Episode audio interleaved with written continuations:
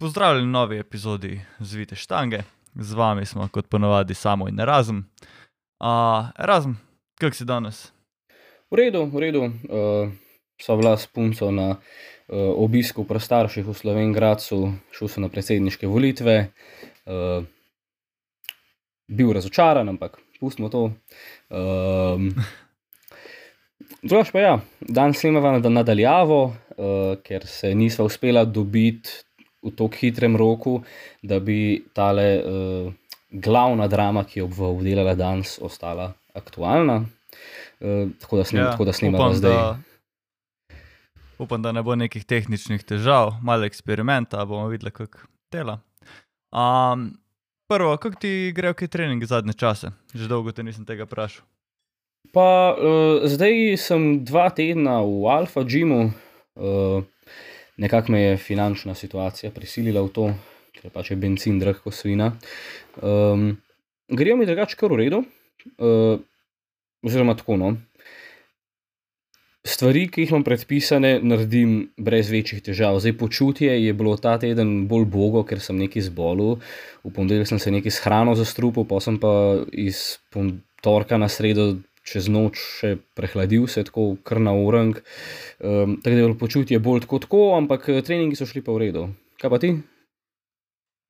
Mm, pa neka mešanica v bistvu. Uh, na zadnje, ko smo o tem še govorili, je rekel, da imam plan iti na Štajersko Open. Pol se to ni uresničilo zaradi enih v bistvu čist internih stvari v klubu, ko uh, so v bistvu dobre stvari, sem še niso čist za javnost, še ni prišlo tako daleč. Um, pa na tisti točki um, sem jaz se odločil malo spremeniti treninge, ker imam že zdaj dlje časa.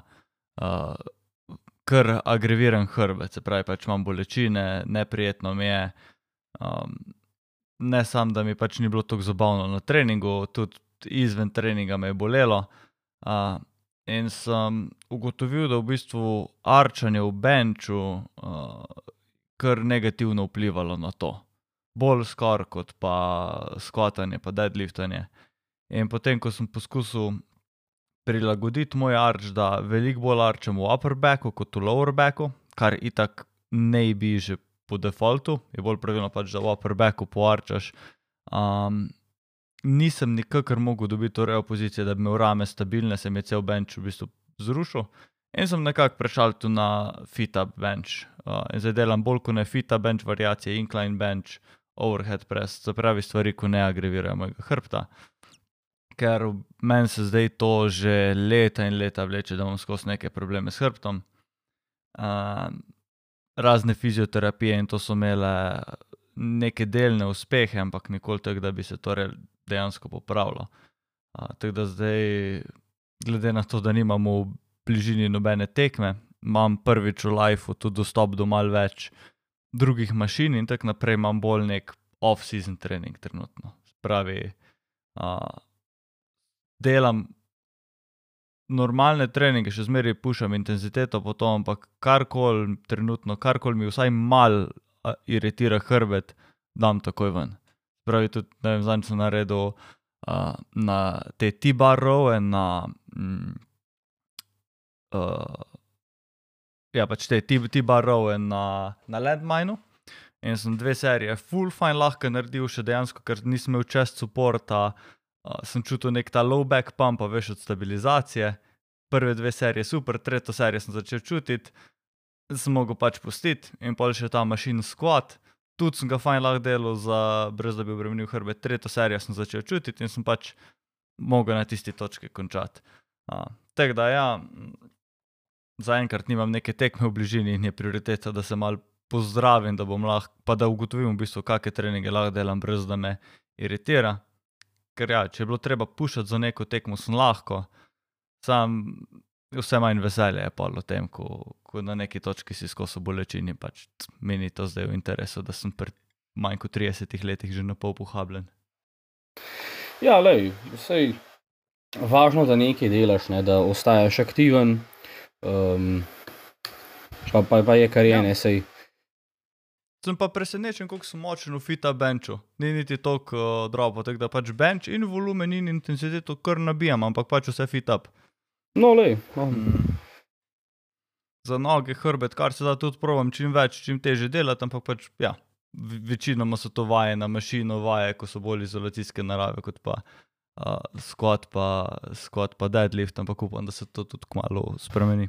Je kak bel skot bi bil verjetno fajn, da bi ga imel, ne? Čakaj, ga imate vi v džimu? Ja, ne, lih v petek smo bili pri Belšku, sem ga delal, Aha, no. top shit. Naslednji teden grem spet v petek tja, grem zraven uh, reprezentance, ko, nuš, uh, ko imajo treninge, pa grem zraven nuše. Uh, in je full fajn, bom tam še to naredil. No, Uh, tako da trenutno za noge leg extensione, mašin squate, pa na mašino teh hack squat varianta. Um, bel squata žal še nimam. no le, pa sej. Uh, boš ga lahko prebešek naredil, pa lahko probaš podreti Andražov PR. Mislim, da je 500, O, ja. mislim, da je 550 z elastikami naredil. Uh, za lastika mi vrete bilo 550. Meni se zdi, ja. Mislim da, mislim, da bi mu prej nuša podrla ta rekord, ko pa je nuša zdaj, ker ima tudi neke probleme s hrbtom, ima kot secondary movement, enkrat na teden ima squat, pa pa nam je, da bi imela variacijo squata, ima belt squat, ker uh, je pač nič ne iritira hrbta. In ima full heavy belt squate v bistvu, ima top trojko, pa pol back off serije. Uh, In je lig zanč pri Belšku 300 za 3 naredila, tako da smo se, smo se šla zafrkavati, koliko, res koliko je Andraš tisto naredil, da do konca cikla bi ga lahko že prehitela počasi. ja, mislim, da je on naredil 550 z elastikami. Vse mislim, da tako piše na tabli v džimu, no. vse lahko pogleda, tako bo tam. Ja, mi, mislim, da je bilo, lih šla smo gledati, mislim, da je bilo 400 plus elastike. Aha, no ja, možno da tako je. Ja. Ja. Mm. No, uh, se premakne. Ena, dva, oziroma en popravek imam. Aha, Rekl sem prejšnji podcast, ko smo govorili o premi, da je manjak italijanska firma. aha. Uh, to je bila moja napaka, nisem dosti temeljito pregledal. Odprl sem stran, videl sem en jezik, mislil sem, je italijanščina, v redu je. Uh, ne, manjak je v bistvu španska firma. aha Um, ta- tako da, tako da nam ni tako blizu, kot smo mislili. Ja, še zmeraj mislim, da imajo kar v redu opcije poštnine in zato tudi bila to še zmeraj v redu informacija za naše, ker zna se, mislim, da boljš dobiti korov. Ja. Ampak ja, pa, če, če vidim, da neko neumnost rečemo, pa da pol vidim, da rečemo neumnost, sem pač poskusil, da če je priložnost, da se popravimo. Ma ja, seveda si. Um, druga stvar, ko pa je, smo pa mi dva en QA dala gor uh, na Instagram, ki v bistvu ta ve- veliko teh vprašanj bo prišlo na vrsto v eni epizodi, ampak danes bi pa mogoče sam del enega vprašanja lotil, ko se je navezoval na norme. Smo jih že obdelali prejšnjo epizodo, ampak um, je, mislim, da Aljoša Doklo vprašal v zvezi z normami, če so omejujoče, pa če bi rabili zaradi tega več regijskih tekmovanj. Kaj ti misliš na to? Jaz mislim, to sem zdaj le dal zraven, predvsem zato, ker v, tem, v tej perspektivi, a bi rabili več tekmovanj in tako naprej, prejšnji sploh govorila nisva. Uh, ja, to je res. Zdaj, okay, prvi del vprašanja, ali so norme omejujoče, mislim, da smo prejšnjič že povedala, če pa niso, pa zdaj norme niso hard limit. V bistvu norme, uh, ti, izpolnjena norma ti samo da prednost pri prijavi. Se pravi, tudi če se boš ti prijavil t- eno uro pred zaprtjem prijav, pa, pa, bo, pa bo drugače že preveč folka prijavljenega, če boš imel ti normo, boš imel prednost pred vsemi, ki je nimajo. Um, tako da v bistvu norma ti samo da prednost pred ostalimi, ki je nimajo pri prijavi, uh, ni pa restriktivna. Se pravi, ne pomeni pa zdaj to, da če pa ti nimaš unga totala, pa ne moreš nastopati na državnem. Um, kar zdaj, če pa regijskih tekmovanj, je, sem bil pa že ogromno debatah z ogromno ljudmi, ogromno je bilo uh, razprave na Instagramu tudi okoli tega, da definitivno bi rabili več tekmovanj.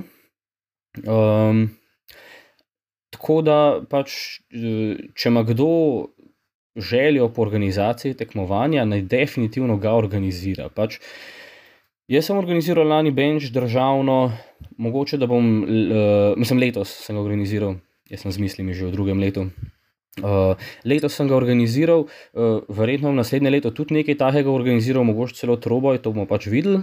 Um, ampak ja, te manjše tekme niso tako težke za, orga- za zorganizirati, uh, lahko prideš, uh, pač mislim, da skoraj vse občine neke razpise, da lahko dobiš nekaj malega občinskih sredstev, da ti pomagajo s financami, ampak za tako manjšo tekmo tudi finance niso tako težko manageable. Uh, pa itak smo pač vsi, ki imamo izkušnje s tem, uh, na voljo za pomoč. In ja, se mi zdi ful potrebno, da bi imeli več manjših tekem, ker zdaj v bistvu, če hočeš, zdaj, mislim, zdaj tekmuješ lahko kaj trikrat na leto, kar je ok za nekoga, ki ima relativno počasen napredek, velik. Ampak za enega, ki bi pa rad sam pridobival izkušnje na tekmah, se mi pa zdi, pa da ne vem, recimo. Uh, Zdaj na Toriumovi tekmi še ni imel prilike, recimo, da mu je čist malo zmanjkalo za neko kvalifikacijsko normo za državno, ali pa za kakšne univerzitetne tekme, na katerih lahko, naredi, lahko narediš norme tudi na uh, teh lokalnih uh, tekmah. Se mi zdi pa, pač, da bi bilo ful dobro, da bi imeli več teh manjših tekem, da lahko pač jo unih pet kil, ki jih dobiš recimo v mesecu, dveh gor, da lahko greš pa narediš. Ne? Ja, ja. Uh, se mi zdi po, točno to, ne samo da je, če želimo imeti hard norme, ki pač so po definiciji omejujoče, zato je norma, um, rabimo imeti res več tekem, da ne moreš ti izpaditi iz državnega, zato ker si za eno tekmo zbolel. In pa naslednjo tekmo, leto ne moreš na državno, ker pač ni bilo nobene druge tekme, na katero bi lahko šel. Ja. Um, Tako da en od pogojev, če hočemo imeti te hard omejujoče norme, je to, da imamo veliko več tekmo leto. To zdaj ne pomeni, da jih rabimo imeti 15, ampak recimo letos poleg državnega smo imeli v Troboju samo še Štajersko Open in pa zdaj 10. decembra bo pred novoletno tekmovanje. Se pravi, imeli smo aprila eno tekmo, pol do začetka oktobra, oziroma do konca oktobra, pardon, nobene, pa pol začetka decembra naslednja. In tisto, ko gre iz Štajerske na prednovoletno, ima v resnici lih za en kratek pik časa, da se na novo tekmo pripravi. Zdaj, ja, mogoče bi bilo pri. Povej. Kar, kar dokončaj bom zadržal misel. Uh, pač mogoče bi bilo smiselno, um, da se naredi kakšna tekma, recimo avgust, september, ki je v bistvu direktno med državnim, pa to. Uh, planirano jesensko tekmo, kar bi tudi mogoče privabilo določene ljudi, ki so uh, med letom zelo zasedeni, uh, kakšne študente, dijake. Uh, Ki bi imeli pa recimo poleti pač bistveno več časa za veliko kvalitetnejši pik. Uh, ja. In če bi bila mhm. nekje proti koncu poletja, tudi folk ne bi bil več po večini na počitnicah. Tako po mojem, en dosti dober termin za tako tekmo bi bil recimo avgust, ali pa da bi bila potem ena še med začetkom leta, pa državnim, se pravi tam nekje, recimo februarja. Um, ja. Je pa pač fora teh tekem, da to pade na klube, ker pač po LZS nimamo kapacitet, da bi organizirali kar vsake dva meseca tekmo. Ne. Se more pač ja. en klub, ali pa mislim, lahko bi se tudi realno tudi več klubov skupaj zaangažirali, pa se zmenili, pa zorganizirali eno manjšo tekmo. Ne. Ja, ker se konc koncev te tekme, mi smo kar vajni, vajni, da bo to v neki dvorani, pa bo uh, 70 ljudi na tej tekmi in tako naprej. Ampak o, celo v teh uradnih gajdih za izvedbo tekmo odprlo za vse, mislim, da piše, da rabiš za pokriti vse stroške, crka tam 30 tekmovalcev. Zdaj, to seveda v zakupu za me nek malce nižji nivo tekme, kar je po mojem, da čist. V redu za neko tako lokalno tekmo, Uh, in če imaš ti več tekem v letu, res da ne bo na vsaki tekmi po 70-80 ljudi, oziroma ja, 70-80 ljudi, ampak jih bo 30, sej to je čisto dovolj in bo v bistvu za tekmovalce kul, cool, ker uh, te kratke tekme znajo biti zelo nenaporne za trenerje in tako naprej. Se pravi, jaz kot trener ne bi imel. Um, čisto nobenega problema iti vsake dva tedna na eno tekmo, če to pomeni, da bom jaz tam od desetih popovdne do štirih popovdne. Nekaj takega je recimo bilo lani ta prednovoletna tekma. Ja. In tam sem tako užival, ker sem se normalno zbudil, šel tja, smo šli s kolegi v Mehka po tekmi nekaj pojesti in sem imel večer za sebe. Um, in ja, to bi v bistvu pomenilo, da bi pač imeli več manjših tekem, je pa res, da je tukaj pogoj, da se ti to lahko greš, ko imajo klubi svoje prostore. Spravi, to se lahko gre zdaj Olimpija, Belšak uh, se lahko gre kakšne te manjše tekme. Um, recimo NMZ, Natural Muscle Zone, se je včasih lahko šel, ko je imel še svoj gim. Um, ampak tu se pa pol zaenkrat tudi konča, če se ne motim. Samsung Fitness ima svoje prostore, ampak uh, zaenkrat še niso izkazali interesa, da bi prav tam v njihovih prostorih imeli tekmo. Uh, tu mislim, da bi se dalo full, full več takih manjših, hitrih tekem narediti, ko so zelo neobremenjujoči za organizatorja ker imaš tri četrt upreme že na placu in bi rabo recimo pripeljati samo tekmovalno elejko upremo od zveze, to o, v najboljšem primeru en z mal večjim avtom pa prkolco, v najslabšem primeru en kombi za furo in je to to. Um, tako da ja, te, te stvari mislim, da znajo bolj steči v prihodnih letih, sploh če, če, če se še klubi malo razvijajo. No. Se mi zdi, da zdaj je veliko ljudi malo začelo namakati prste v te vode, kot je z organizacijo tekme. Če se spomnimo, recimo pred letom 2018, ni nihče, klub, noben klub organiziral tekme. Zdaj, do 2022, smo prišli že na štiri ali pet različnih organizatorjev, celo pač ljudi, ki organizirajo tekmo. Tako da, če recimo do 2024 pridemo res do nekega takega, da imamo poleg državnega, pa to govorim zdaj samo za troboj, še ne štiri dodatne tekme, bi bilo to kar lepo. Uh, ena moja taka idea, idealen predlog, ko sem ga prej malo brainstormal, bi bilo mogoče res februar, tako si ti rekel, mogoče kar skupaj z državnim prvenstvom v Benchpressu. Uh, pol je lahko državno, pol je lahko ena predpoletna tekma, tam uh, proti koncu, sredina junija, lih predno se šola zaključi. Pol je lahko, tako si ti rekel, uh, začetek septembra, recimo, se pravi, da izkoristiš tiste študente in pa dijake, ki so čez poletje imeli lep napredek, pol imaš ta uh, Štajersko open termin, ko je bil zdaj, pa pred novoletni termin. Pa kako teh terminov je kamot lahko še recimo, uh, smo rekli, da bi ločili državno prvenstvo za mladince, veterane in tako naprej, bi kamot še to zram prevzeli. Ja, pač. Uh... Zdaj, ok, ločitev državnega prvenstva za člane, pa eh, državnega prvenstva za kadete, mladince, veterane, sicer še ni tako na obzorju, če rečem, ampak eh, prospekt v prihodnosti pa definitivno je. Pa, kar si omenil prej, pač klubski prostori. De, definitivno je fajn za tako malo tekmo, recimo kot ima Olimpija, da imaš svoje prostore, ampak se pa da pač mi nismo imeli v našem džimu tekme, smo pač najeli tam eno telovadnico v eni lokalni osnovni šoli. So nam šli pač, smo šli do ravnatla, Matjaš, Anja, pa jaz, smo se lepo zmenili.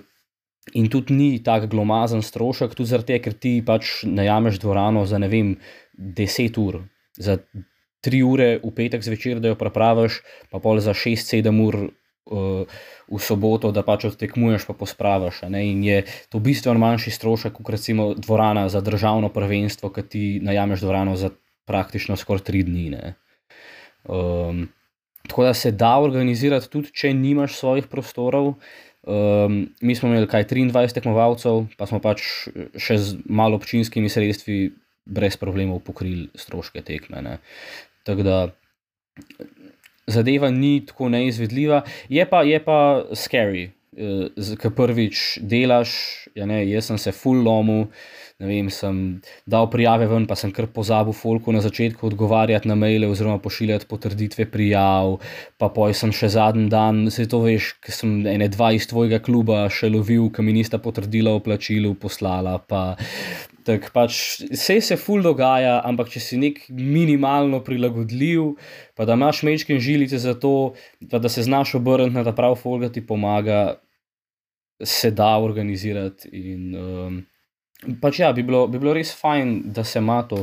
Drugače, realno, zdaj, ko si rekel, za nekje, recimo konc februarja, za um, državno prvenstvo v Benču, pa še en, um, kako lahko zraven troboj je dejansko full cool termin. Ker jaz, vem, jaz sem se letos, ko sem organiziral, sem se nerealno lomil, ker sem imel tekma je bila, uh, kaj je bila 18.6. Jaz sem imel tri dni pred tekmo, drugi rok izpita za rimsko pravo, pa polka tri dni po tekmi, štiri dni po tekmi, še ustne izpite. In sem bil še pač sredi izpitenega, v bistvu je bilo no, glih okoli najtežjega izpita, ki sem ga imel. In je bilo ful stresno. Ampak februarja nimam pa nič, ne, tako da realno bom po mojem kar predlagal Matjažu Pani, če, um, da bi jo naredili res, ne vem, februarja ali pa začetek marca. Ja. Pa tako si ti organiziral, ja, moraš to vedeti, da sam to, da imaš nek drug prostor, ko ni tvoj gim, je avtomatsko, po mojem, ne dvakrat več stresa. Sam zaradi tega. To pa je tudi res. Mislim, Pa, mi smo imeli pač full srečo, ker smo imeli to osnovno šolo čez zraven Džima, ne pač niti 10 minut z avtom in smo pač šli tri runde s parkolco gor pa dol, da smo zvozili tri reke pa v težine. mhm. Mm. So pa moje izkušnje pri organizaciji tekme, da dobiš velikrat iz enih takih smeri pomoč, ko sploh nisi pričakoval, pa sploh nisi prosil. Se najdejo ljudje, ki ti bodo pomagali, pa tudi pač še več pomoči, kot pričakuješ iz tistih koncev, kjer uh, sploh nisi prosil ali pa zahteval. Recimo mi smo kot klub organizirali pol zelo open lani. In tak, takrat je res, veš, ni tako državno, ko pričakuješ od zveze neko pomoč in tako naprej. Takrat res ne bi rabo noben več prestopiti, pa so po mojem mnenju štiri različni klubi, pač ljudje iz ene štirih različnih klubov, pa še iz zveze zraven bili pa pomagali in to ne tako malo. Ja, ne, sej, Am, pač naš, naša tekma ne bi šla čez, če ne bi ti nuša pa to ustpršal pomagati. Sploh pač to, te tehnikalije, naštimvat pa to. Pa urban, da me je vodil čez uh, cel, cel postopek, kva vse moram poj narediti, ne tabelce tekmovalcev, pa razvrstitve, pa lot numbre določiti, pa vse to ne. Pač, ja, jaz, mislim, jaz bi bil kompletno zgubljen, ne? ampak ja, je prišla pomoč, ki sem jo rabil in um, se je dal. Ne? Tako da, ja, če imaš svoje prostore, je pa verjetno še največji strošek fotograf in to nas pripelje zelo smud do kar najne naslednje teme. Uh, verjetno vas je večina že tako videla, ta teden so prišle ven slike od Štajerske Open. In um, na začetku se pač jaz nisem tekmoval, nisem se preveč amuzel za te pakete, pač itak je na, ponavadi trajalo teden do dva tedna, da prijete fotke, ker je res velik za zeditat. In ti zanj, ko so prišle fotke, sem videl najprej en story, da nekaj ni bilo kul. Cool. Pa si nisem najprej neki velik pozornosti namenil, pa pa vidim, da je to, so ljudje kar začeli širiti, pa še nekaj svoje mnenja zraven dodajati. In takrat sem, sem vedel, da bi znala biti to zanimiva um, tema za podcast. Predvsem zato, ker je ponavadi taka situacija zelo, res redko taka, da je nekdo hotel nekoga namenoma okol prnest, se pravi škodovati ali pa zaslužiti na, na nek tuj račun. In sem se, uh, oziroma smo se kar oba not mal podala, vprašali ljudi, ki so tukaj zraven vključeni, kaj se je sploh dogajalo in da mogoče predstavimo tem podcastu, kaj je sploh, kje se je sploh tukaj um, zataknilo, kaj je šlo na robe, kaj gledajo na to tekmovalci in pa kaj pravi uh, tudi sam fotograf. Pa razen, kak, uh, je čist tvoj bil občutek, ko si to spremljal na začetku, kako si gledal na to? E, jaz sem v bistvu prvič zaznal, da nekaj ni bilo ok, ker sem videl par postov na Instagramu, da je Folk objavljal fo, uh, fotke, se pravi s tem watermarkom od uh, Amaseja, od fotografa. Uh, pač, kar se mi je zdelo čuden. Uh, Ker pač načeloma smo zmeri dobili fotke z watermarkom, in pol si povedal, kje bi rad brez, in ti jih je, uh, mislim, pač na vseh teh mestih, na katerih sem jaz, fotke kupoval, je bila pija uh, in ti jih je poslala. Um, ampak, ok, na, najprej sem bil pač tak, ok, ne vem, očitno je par folka, ne vem, ali škrtih, ali ne vem, ali jim ne skapira, um, da pač, da bi mogoče objavili fotke brez watermarka, ali se jim ne da čakati, ali kaj. Um, ampak, pol sem pa, pol sem pa ti to nekaj omenil, pol sem šel pa mal v bistvu globje v to gledati, uh, sem pa ugotovil, da so bili pa v bistvu neke, uh, neki problemi. Uh, in zdaj, v bistvu, če na hitro pojasnim dejstva cele te situacije. Ne. Skratka, na, prija, pri, na prijavnici za Torium je bilo praktično word by word eh, skopirana ponudba. Pač fotografska, takšna kot na državnem prvenstvu. Ne? Na, na pol zelo. Uh, aha, na, na, na, na je bila malo spremenjena. No, ok, na pol zelo open. Na pol zelo open sem jaz tekmoval, sem kupil ta osnovni paket in sem dobil, se pravi, v tem osnovnem paketu je Pija objavila, fotografinja objavila v Drive slike z tekmovanja. Jaz sem pogledal, aha, na tej pa tej pa tej pa tej sliki sem jaz, ta pa ta pa ta od teh mi je všeč, poslal sem ji številke na mail in ona jih je meni poslala. To je bil ta osnovni paket za, mislim, da je bil 7 evrov. In wording tega je bil popolnoma enak, kot na povzeli.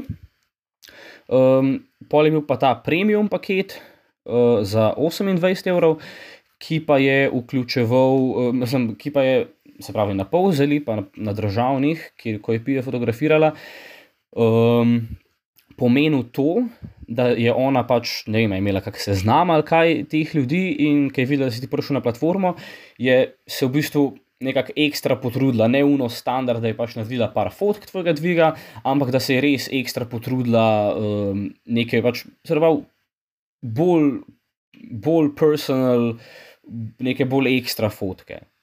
Uh, pač, pa tudi večji nabor teh fotk. Um, zdaj, kar se je zgodilo, je, da so ljudje pričakovali, da bo zadeva ista, se pravi, da bodo oni za to, kar so plačali za osnovni paket, in za to, kar so plačali za premium paket, dobili to, kar so dobili za osnovni, pa za premium paket na povzeli. Um, zdaj pa temu tako ni bilo, zdaj pa so v bistvu z osnovnim paketom dobili uh, samo en nabor, v bistvu čist general fotk uh, iz tekmovanja, ne vem pač tako malo fotke. Ambienta, plakatov, pokalov, tega, pa fotke podelitev, se pravi, ljudi, ki so bili pač na stopničkah in to. Um, zraven so dobili pa en folder fotk z watermarkom, kjer so bili pa prav specifično slikani oni, ne vem, koliko je bilo teh, kaj nekih 7-8 fotk. Um, Ker so bili pa slikani pač specifično oni, med svojim dvigom, in um, to pa jim je bilo ponujeno, kot da dokupijo ta premium paket. Um, in pač med Folkom je to povzročilo veliko neodobravanje, um, ker so pač pričakovali, v bistvu, wording je bil enak, pričakovali so enak servis, enake fotografije, oziroma enak nabor fotografij, kot so jih dobili na prejšnjih tekmovanjih, ali pa kot so jih dobili njihovi kolegi na prejšnjih tekmovanjih. Um,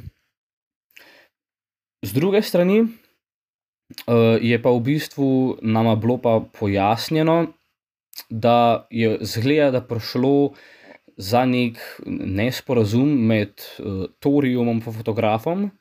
Ker pač fotograf je prvič slikal powerlifting tekmo in ni vedel, kaj, kaj je vzpostavljeni precedens tukaj, v bistvu, kaj, smo, kaj se, se je dobil za to ceno na prejšnjih tekmah, in tudi, uh, je, če sem prav razumel, kako je napisal, ni dobil enih uh, bolj specifičnih navodil od Torijuma glede tega.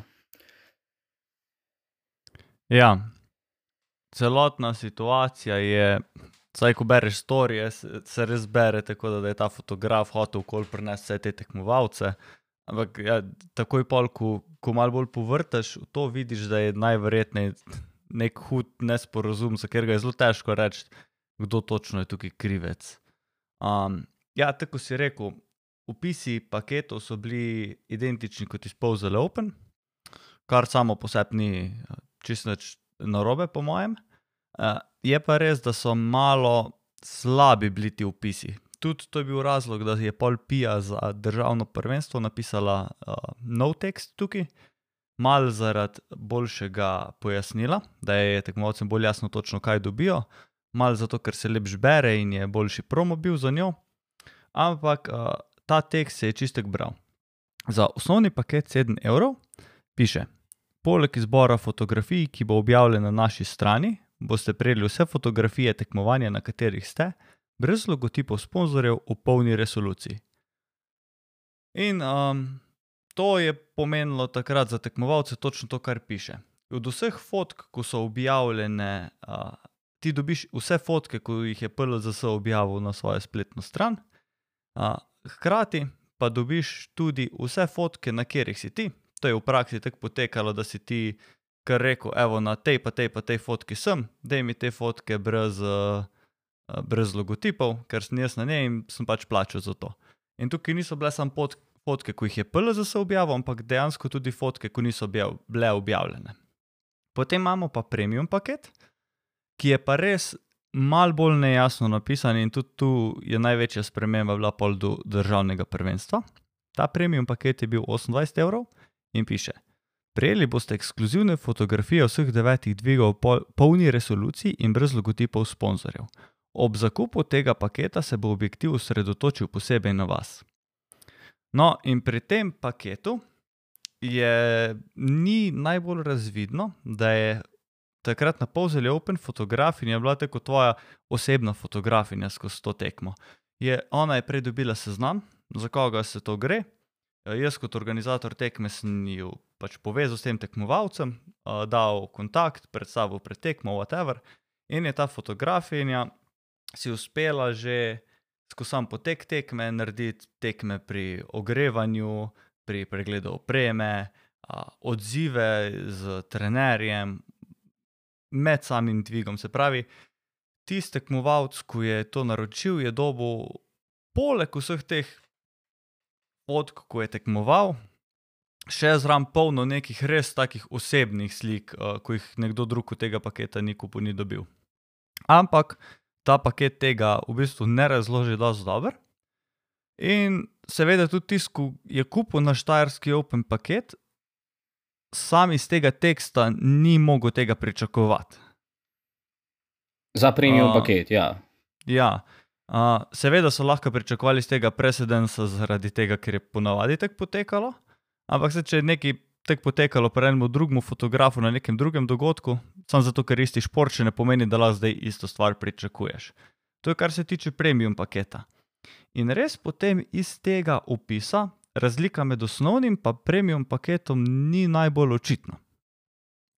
Uh, in kaj so pol tekmovalci dejansko dobili, je, tisti, ki so kupili premium paket, so dobili crka, zdaj bom rekel, neke čisto kvirne številke, ne točne, ampak recimo od 20 pa do 40 slik nekje, pač fotografije sliko celoten dogodek, na tistih slikah, ko si se ti znašel, si jih ti prejel, brez logotipa, v polni resoluciji In to je pri večini tekmovalcev vključevalo tvoje dvige, tvoj prihod na platformo in pa tvoj odhod iz platforme, ko si dogodek zaključil, včasih je bil to še odziv trenerja in tako dalje. Osnovni paket je pa v bistvu paket, uh, ko nisem čist prepričan, da je namenjen tudi objavi, da ga torium kam objavi, ker mislim, da ko zdaj le snemam, še ni bilo nič objavljeno. Ampak je v bistvu izbor cirka 130 slik, Ne vem čisto točne številke, tam nekje mislim.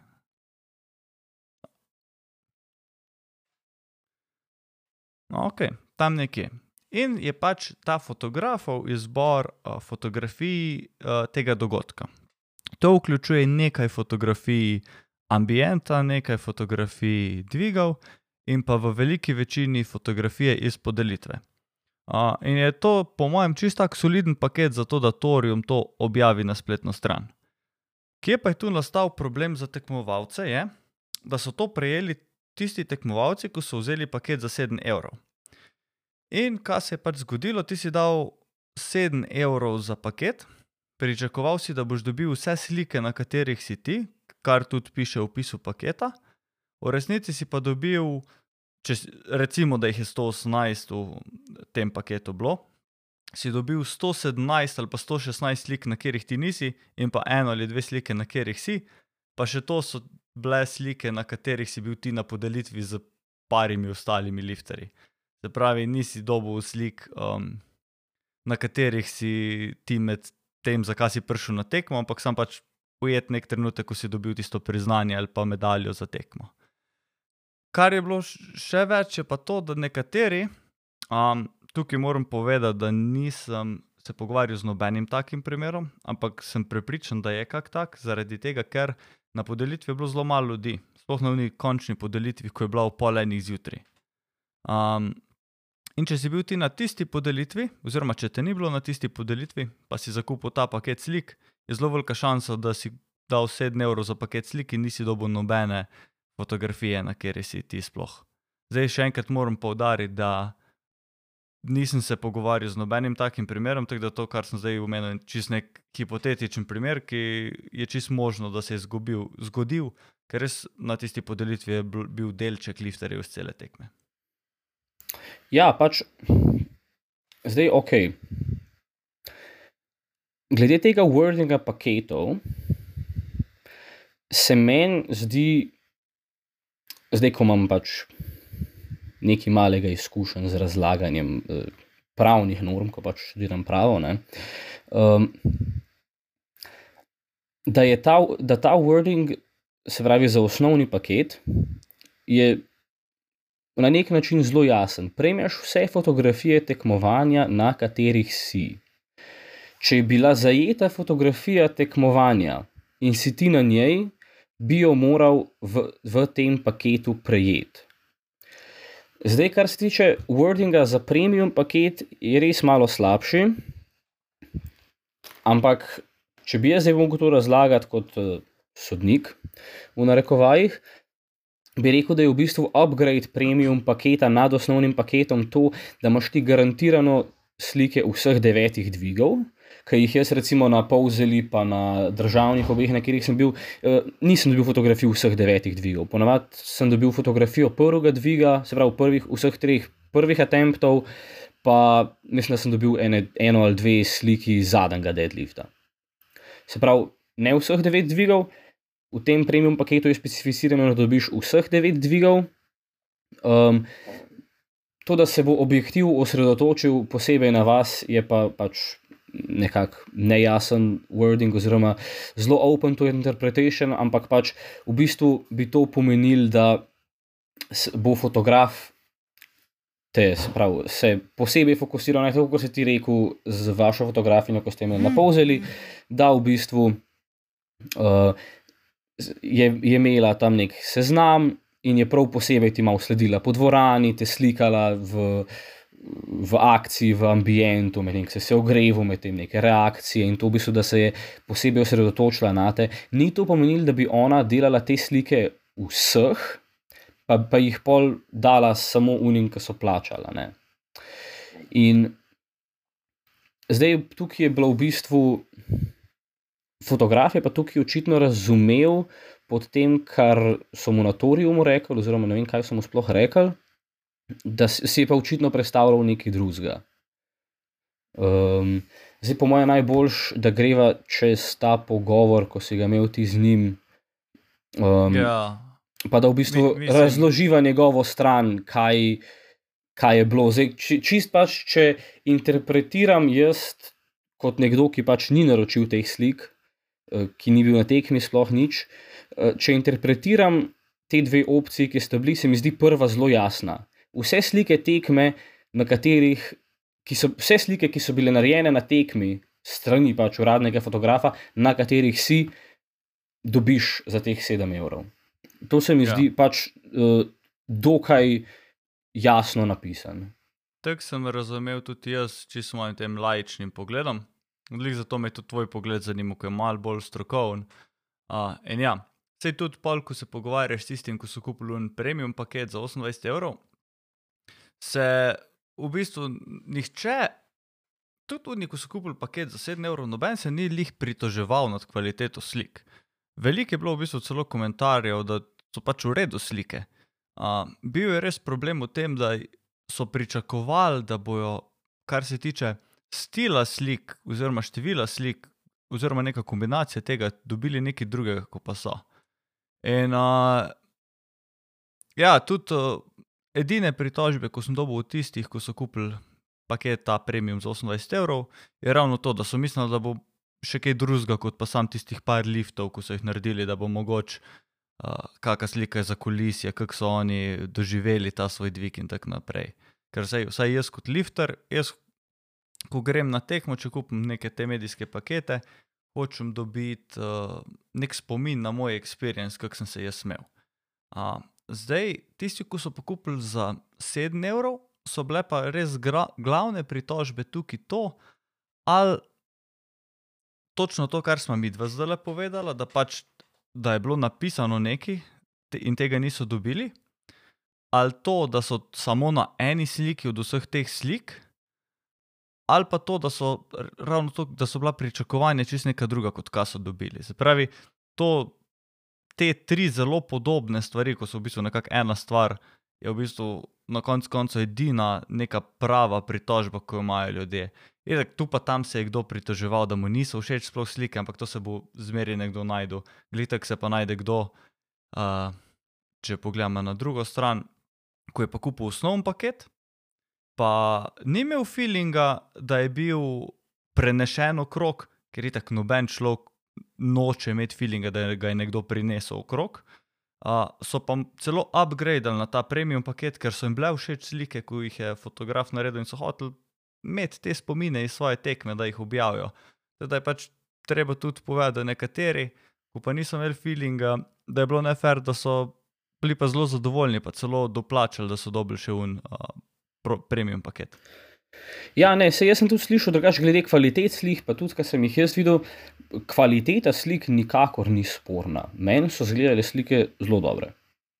Um, pač, kar se meni zdi po vsem tem sporno, zdaj berem, evo, zdaj berem v bistvu tukaj um, pogovor, ki si ga imel ti s fotografom. Um,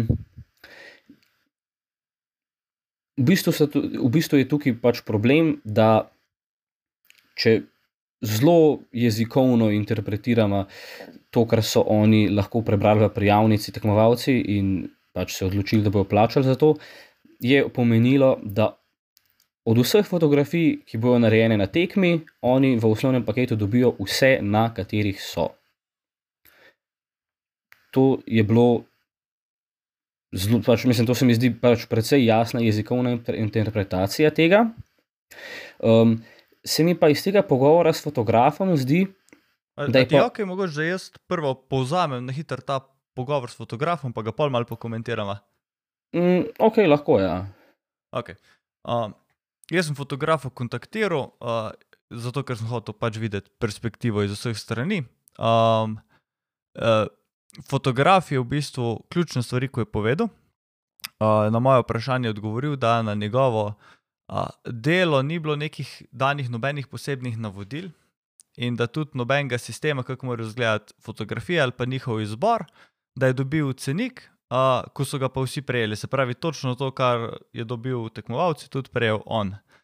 Um, in pa se je on pač pozanimal z organizatorjem tekmovanja, in je predlagal, da bi on tako naredil, in je organizator tekmovanja potrdil, da ja, tak, tak je urejen, tako bi ti naredil. Se pravi, da dobijo tekmovalci take pakete, kot jih dobijo, in možnost nadgradnje na višji uh, premium paket, če želijo.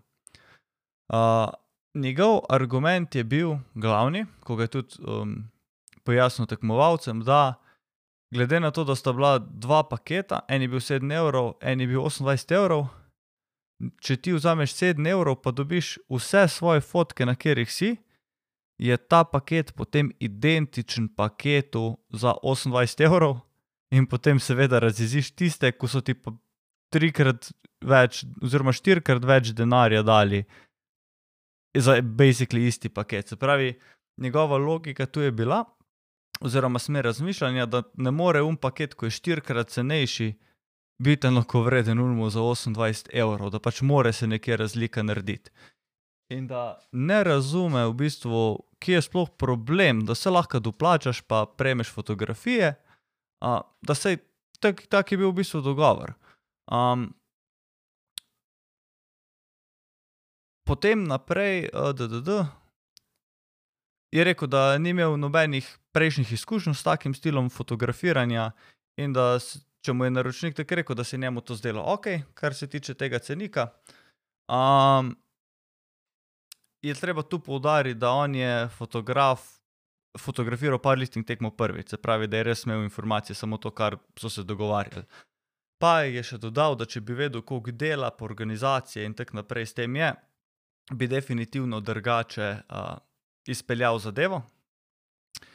Za na koncu je pa treba tukaj še omeniti, da v bistvu on je ta dogodek pofotkal pro bono, tak je bil dogovor, se pravi, on je bil plačen za fotkanje. Vse, kar je on dobil plačano, je bilo iz prodaje paketov. Se pravi, to je še se mi zdi, da je en zelo pomemben podatek zraven. Um, on ni dobil nekega osnovnega zneska od uh, organizatorja, pa zraven še prodaje paketov, ampak je on v bistvu samo toliko zaslužil, koliko je paketov prodal.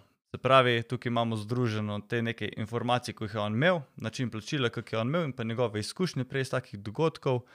In uh, ja, smo tu dobili ta rezultat. Zdaj pa razen, kak, uh, če pokomentiraš, kjer sem te prej prekinil.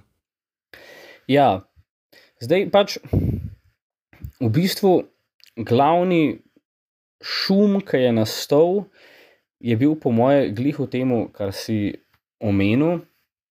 On ni imel nobenih izkušenj, ni vedel, kako zadeva zgleda, uh, kakšna je praksa fotografiranja, um, pač kako zadeve funkcionirajo. Dobil je ta cenik in uh, če je tak cenik ok. Um, on pač si ni znal interpretirati tega.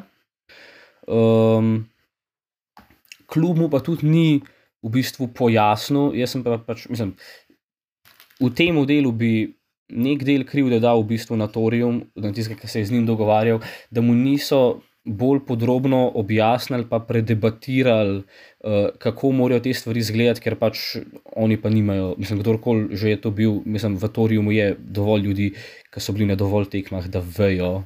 Um, Kako pač fotografiranje tekme zgleda, pa kako izgledajo končni produkti, ki jih dobiš ti od fotografa na tekmah.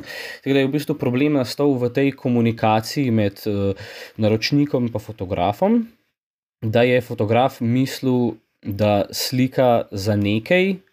Um, njegove stranke so pričakovali nekaj drugega, uh, naročnik pa ni, do, ni v bistvu pravilno skomuniciral tega.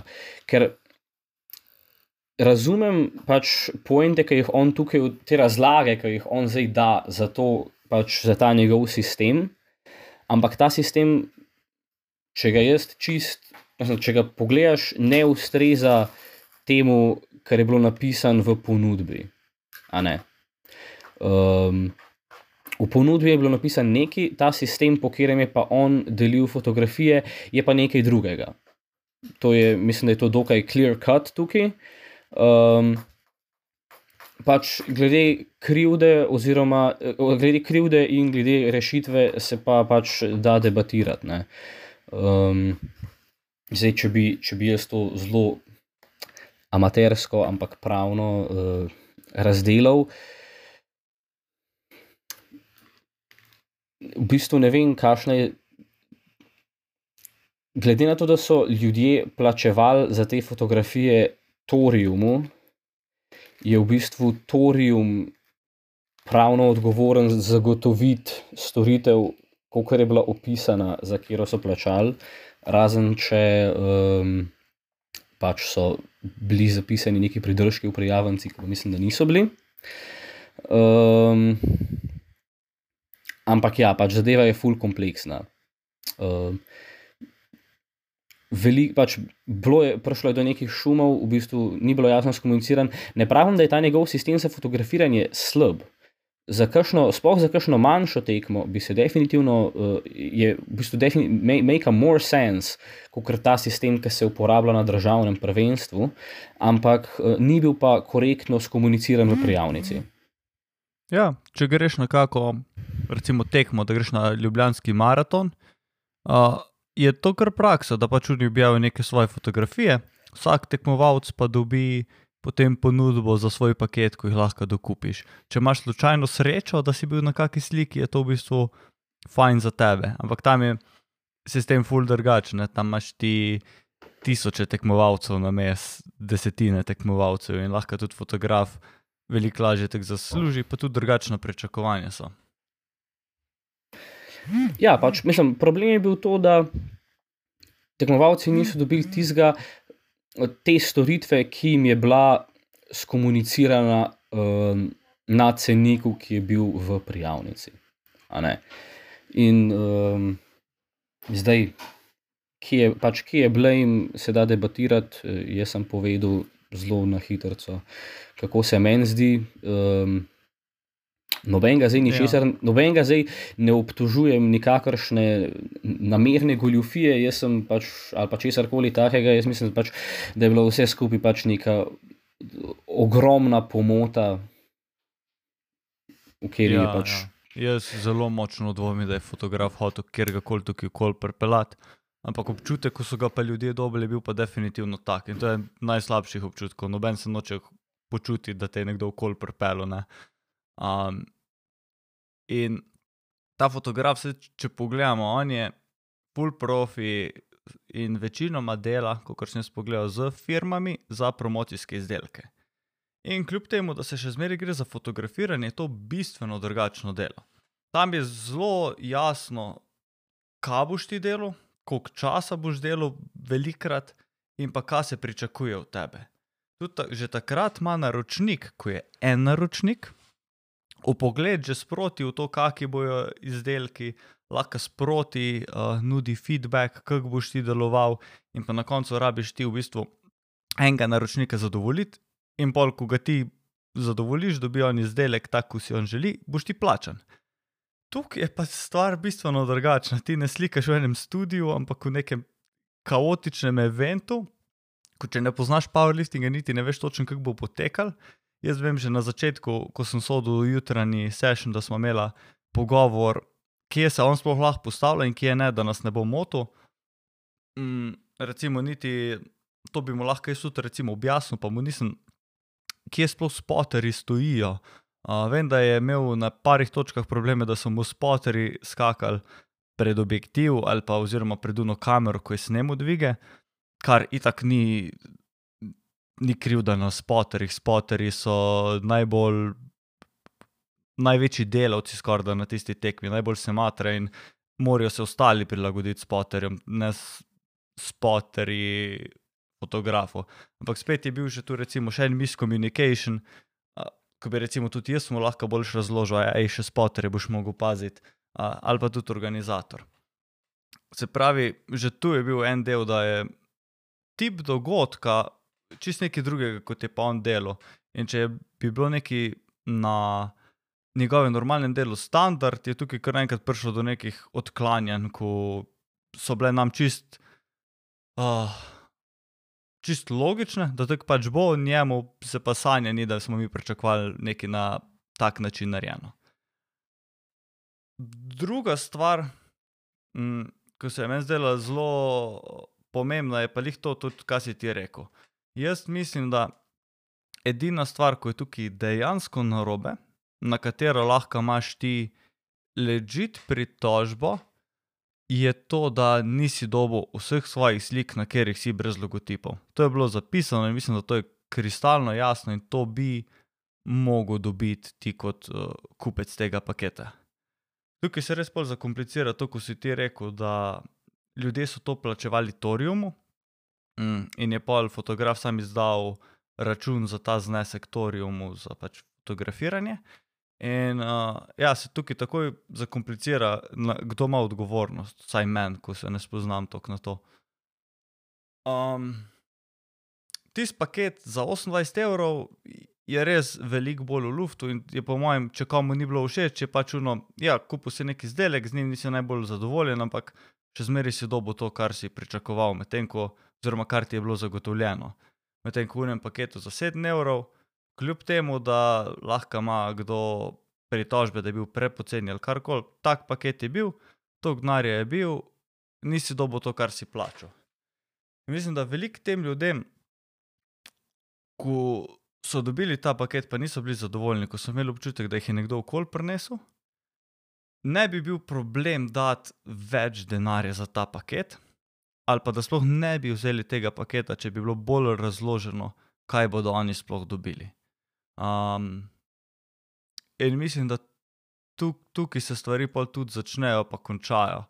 Uh, da ljudje do neke mere so, bile, so bili upravičeno jezni, ampak se mi zdi, da tukaj se še zmeraj tista jeza, pol, ko se začne kupičiti, sploh na social mediju, ko en neki objavi na story, drug rišera.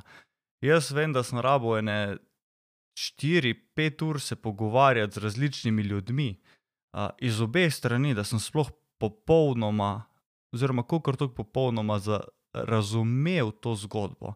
In mislim, da večina ljudi, ko je pač sam videla te storije, je iz teh storijev dobila informacije, da je fotograf full folk okoli prpelo, kar mislim, da je daleč od resnice, ampak ima pa neke zametke, kaj se je pa dejansko dogajalo. Se pravi, da ljudje niso dobili to, kar so plačali. Ja, pač v bistvu, kot si povedal, pač problem je bil, ljudem je bilo skomunicirano eno, oni so na podlagi teh podatkov, ki so jim bili dani v prijavnici, se odločili, ali bojo kupili en paket, drug paket, oba paketa, nobenega paketa. Pol pa, ki so dobili karkoli, so že plačali. To ni bilo to, za kar so oni lahko popolnoma upravičeno domnevali, da bojo dobili. Uh, s tem, ko so za en ali drug paket plačali. Um, zdaj, um, ko smo vprašali Torium za komentar na to, uh, si jim napisal kar, kar dolg SMS z več vprašanji, odgovorili so pa samo, da se išče rešitev, ki bi vsem ustrezala.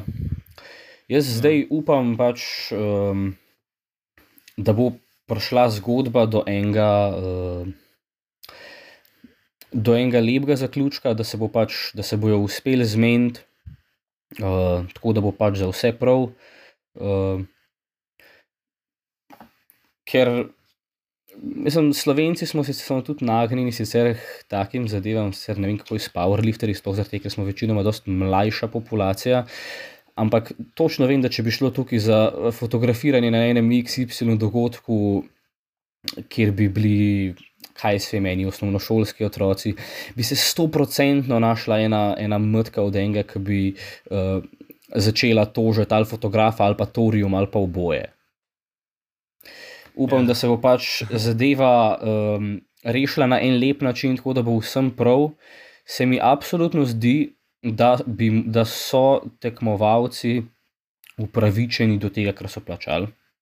To pomeni, da pač da če bi jaz to kot sodnik, oziroma kot nek razsodnik, arbiter, moral uh, razčistiti, bi pač uh, tekmovalec, ki je kupil paket, v katerem je specificirano, da dobi vse fotografije tekmovanja, na katerih je.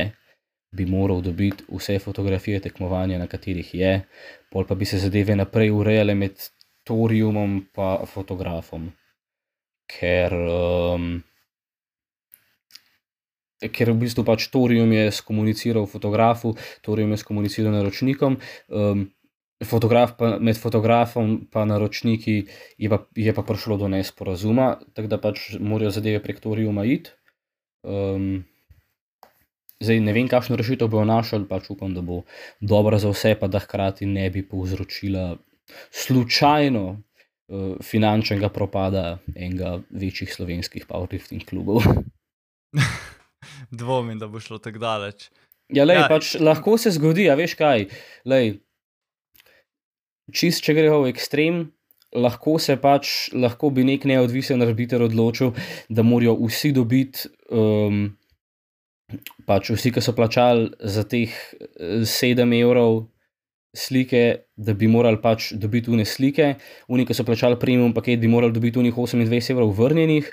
Um, fotograf bi pa, bi pa mislim, Torium bi moral pa fotografu plačati za vse premium pakete, ker je fotograf to prodajal kot premium pakete. Ja. In bi bil, in če, če so, če hipotetično, če je bilo okrog 75 folka, um, če je bilo hipotetično uh, eh, 75 folka na tekmi, samo moment, da mi kalkulator odpre. Pa se je tudi tukaj, ja, misliš, da govorimo o petih premium paketih. Ja, to... So bile te cifre zelo majhne za te res top premium pakete. Ne, ne, to vem, ampak če bi fotograf hotel plačilo za premium paket, Aha, premium paket. Zato, za ko bi bil, ko, pakete. ja, ko bi bil bi- pač te fotke, jih, do katerih so upravičeni vsi. A je bilo, recimo, pa da recimo, da je 70 ljudi na tekmi kupil um, osnovni paket, koliko je bilo od folka na tekmi, enih 80. Ja, tam nekje, malo manj, ampak recimo, da je bilo 80. Okay, no. pa, pa recimo, če je še par kupil premium pakete, recimo, da je 65 folka kupili samo osnovni paket, iz katerega so upravičeni do vseh slik, na katerih so, in da moratorium doplačati um, fotografu za um, vse te pakete na premium nivo, ne, ker je pač v bistvu. So narobe skomunicirali, če pridejo take odločitve, uh, je to skoraj 2 jurja evrov, ki jih morajo plačati njemu. Ne. Ja, v bistvu samo v resnici so bile, če mene vprašaš, te cifre ful manjše. Po mojem, če je 30 ljudi vzelo osnovno paket, je bilo ful velik. Bilo Misliš? Ja, ja, ja. Pa konc koncev se tudi ne bi bilo po mojem tako straightforward. Sej, če Torium tu prevzame blame, če so se zmenili za take pakete, tudi fotograf prevzame del blame. Tako da jaz dvomim, da bi Torium mogel za une osnovne pakete, ko jih fotograf bi dal naprej, fotografu bolj plačati premium paket. Ker se Ja, to tudi je- fotografu je bilo jasno, kaj piše tu v tem premium paketu. Ne? Ja, to je bila, to je bila druga možna interpretacija. Um, ja, to je pa pač dru, se pravi druga možnost, um, da bi pa padel blame na fotografa, ker mu je bilo pač dano točno to, kar je bilo dano uh, tekmovalcem, in si je on to pač narobe interpretiral. ne. Uh, v bistvu eno zelo jasno napisano zadevo, kot je osnovni paket, si je on narobe interpretiral. Ja, jaz- Um, Meni je tukaj res škoda, da Torium nekaj več odgovoril. A, ja, Tako si ti rekel, ko so mi na, tak, na tri, štiri vprašanja odgovorili, samo da iščejo ustrezno rešitev. Jaz sem to pač oduzel, kot da ne želijo več komentirati, in tudi jaz nisem več spraševal. In tudi uh, upam, da najdejo to ustrezno rešitev. Če uh, bojo kaj objavljeno, bomo se potrudili, da v prihodnih epizodah podcasta naredimo update, popravek. Uh, za kakršnimi koli uh, dodatnimi relevantnimi informacijami. Uh, najbolj žal mi je, da ene, v bistvu tretje strani sploh nimamo. Imamo pogled uh, fotografa, imamo pogled jeznih kupcev, in smo že tu videli, da je nek pač middle ground. In sem prepričan, da če bi še Torium tu pokomentiral, da bi še neke nove informacije dobili, ki še bolj razčistijo zadevo, ampak zaenkrat so stvari take, kot so in tako stojijo. Uh, karkoli več, po mojem, bi bila pa že neka um, zelo velika špekulacija, ko bi bolj strala dramo še dodatno, kot pa sam, da mogoče pojasni zadeve, kar je bila vsaj moj glavni cilj tukaj, da pogledamo, kaj so dejstva in pa uh, kako obe dve strani gledajo na to, oziroma upali smo na vse tri strani, in pa da mogoče to predstavimo v nekem enournem podkastu, kako se skupaj izgleda. Ja, nekako v bistvu zdaj sva tukaj zanalizirala zadeve, um, raz, pač razmišljala, kakšne so možne rešitve, ki bi lahko bila odgovornost za tem. Um, nič, kar sva tukaj rekla, uh, ni obtožba nikogar, za nobenega ne trdiva, da je karkoli kriv, uh, nobenega ne obtožujeva ničesar. Um, to je samo pač uh, najno razmišljanje ob vsem temu, brainstorming praktično. Ja. Um, cool. Lej, naslednji teden je nova epizoda. Um, to smo mi dva snemali v nedeljo, pride ven v torek, kar pomeni, da če se v teh dveh dneh kaj na novo spremeni, bo update v novem uh, podkastu. Zaenkrat pa najlepša hvala, da ste nas poslušali. Um, Raz imaš še ti kaj za dodati pred zaključkom? Uh, to je to. Ja, hvala za poslušanje. Um, če, če se karkoli razve, uh, glede kakih potencijalnih rešitev, uh, bo vesela, če naj jo kdo kontaktira, um, če slučajno kaj zgrešiva. Uh, in ja, hvala za poslušanje. Ostanite močni. Ostanite močni.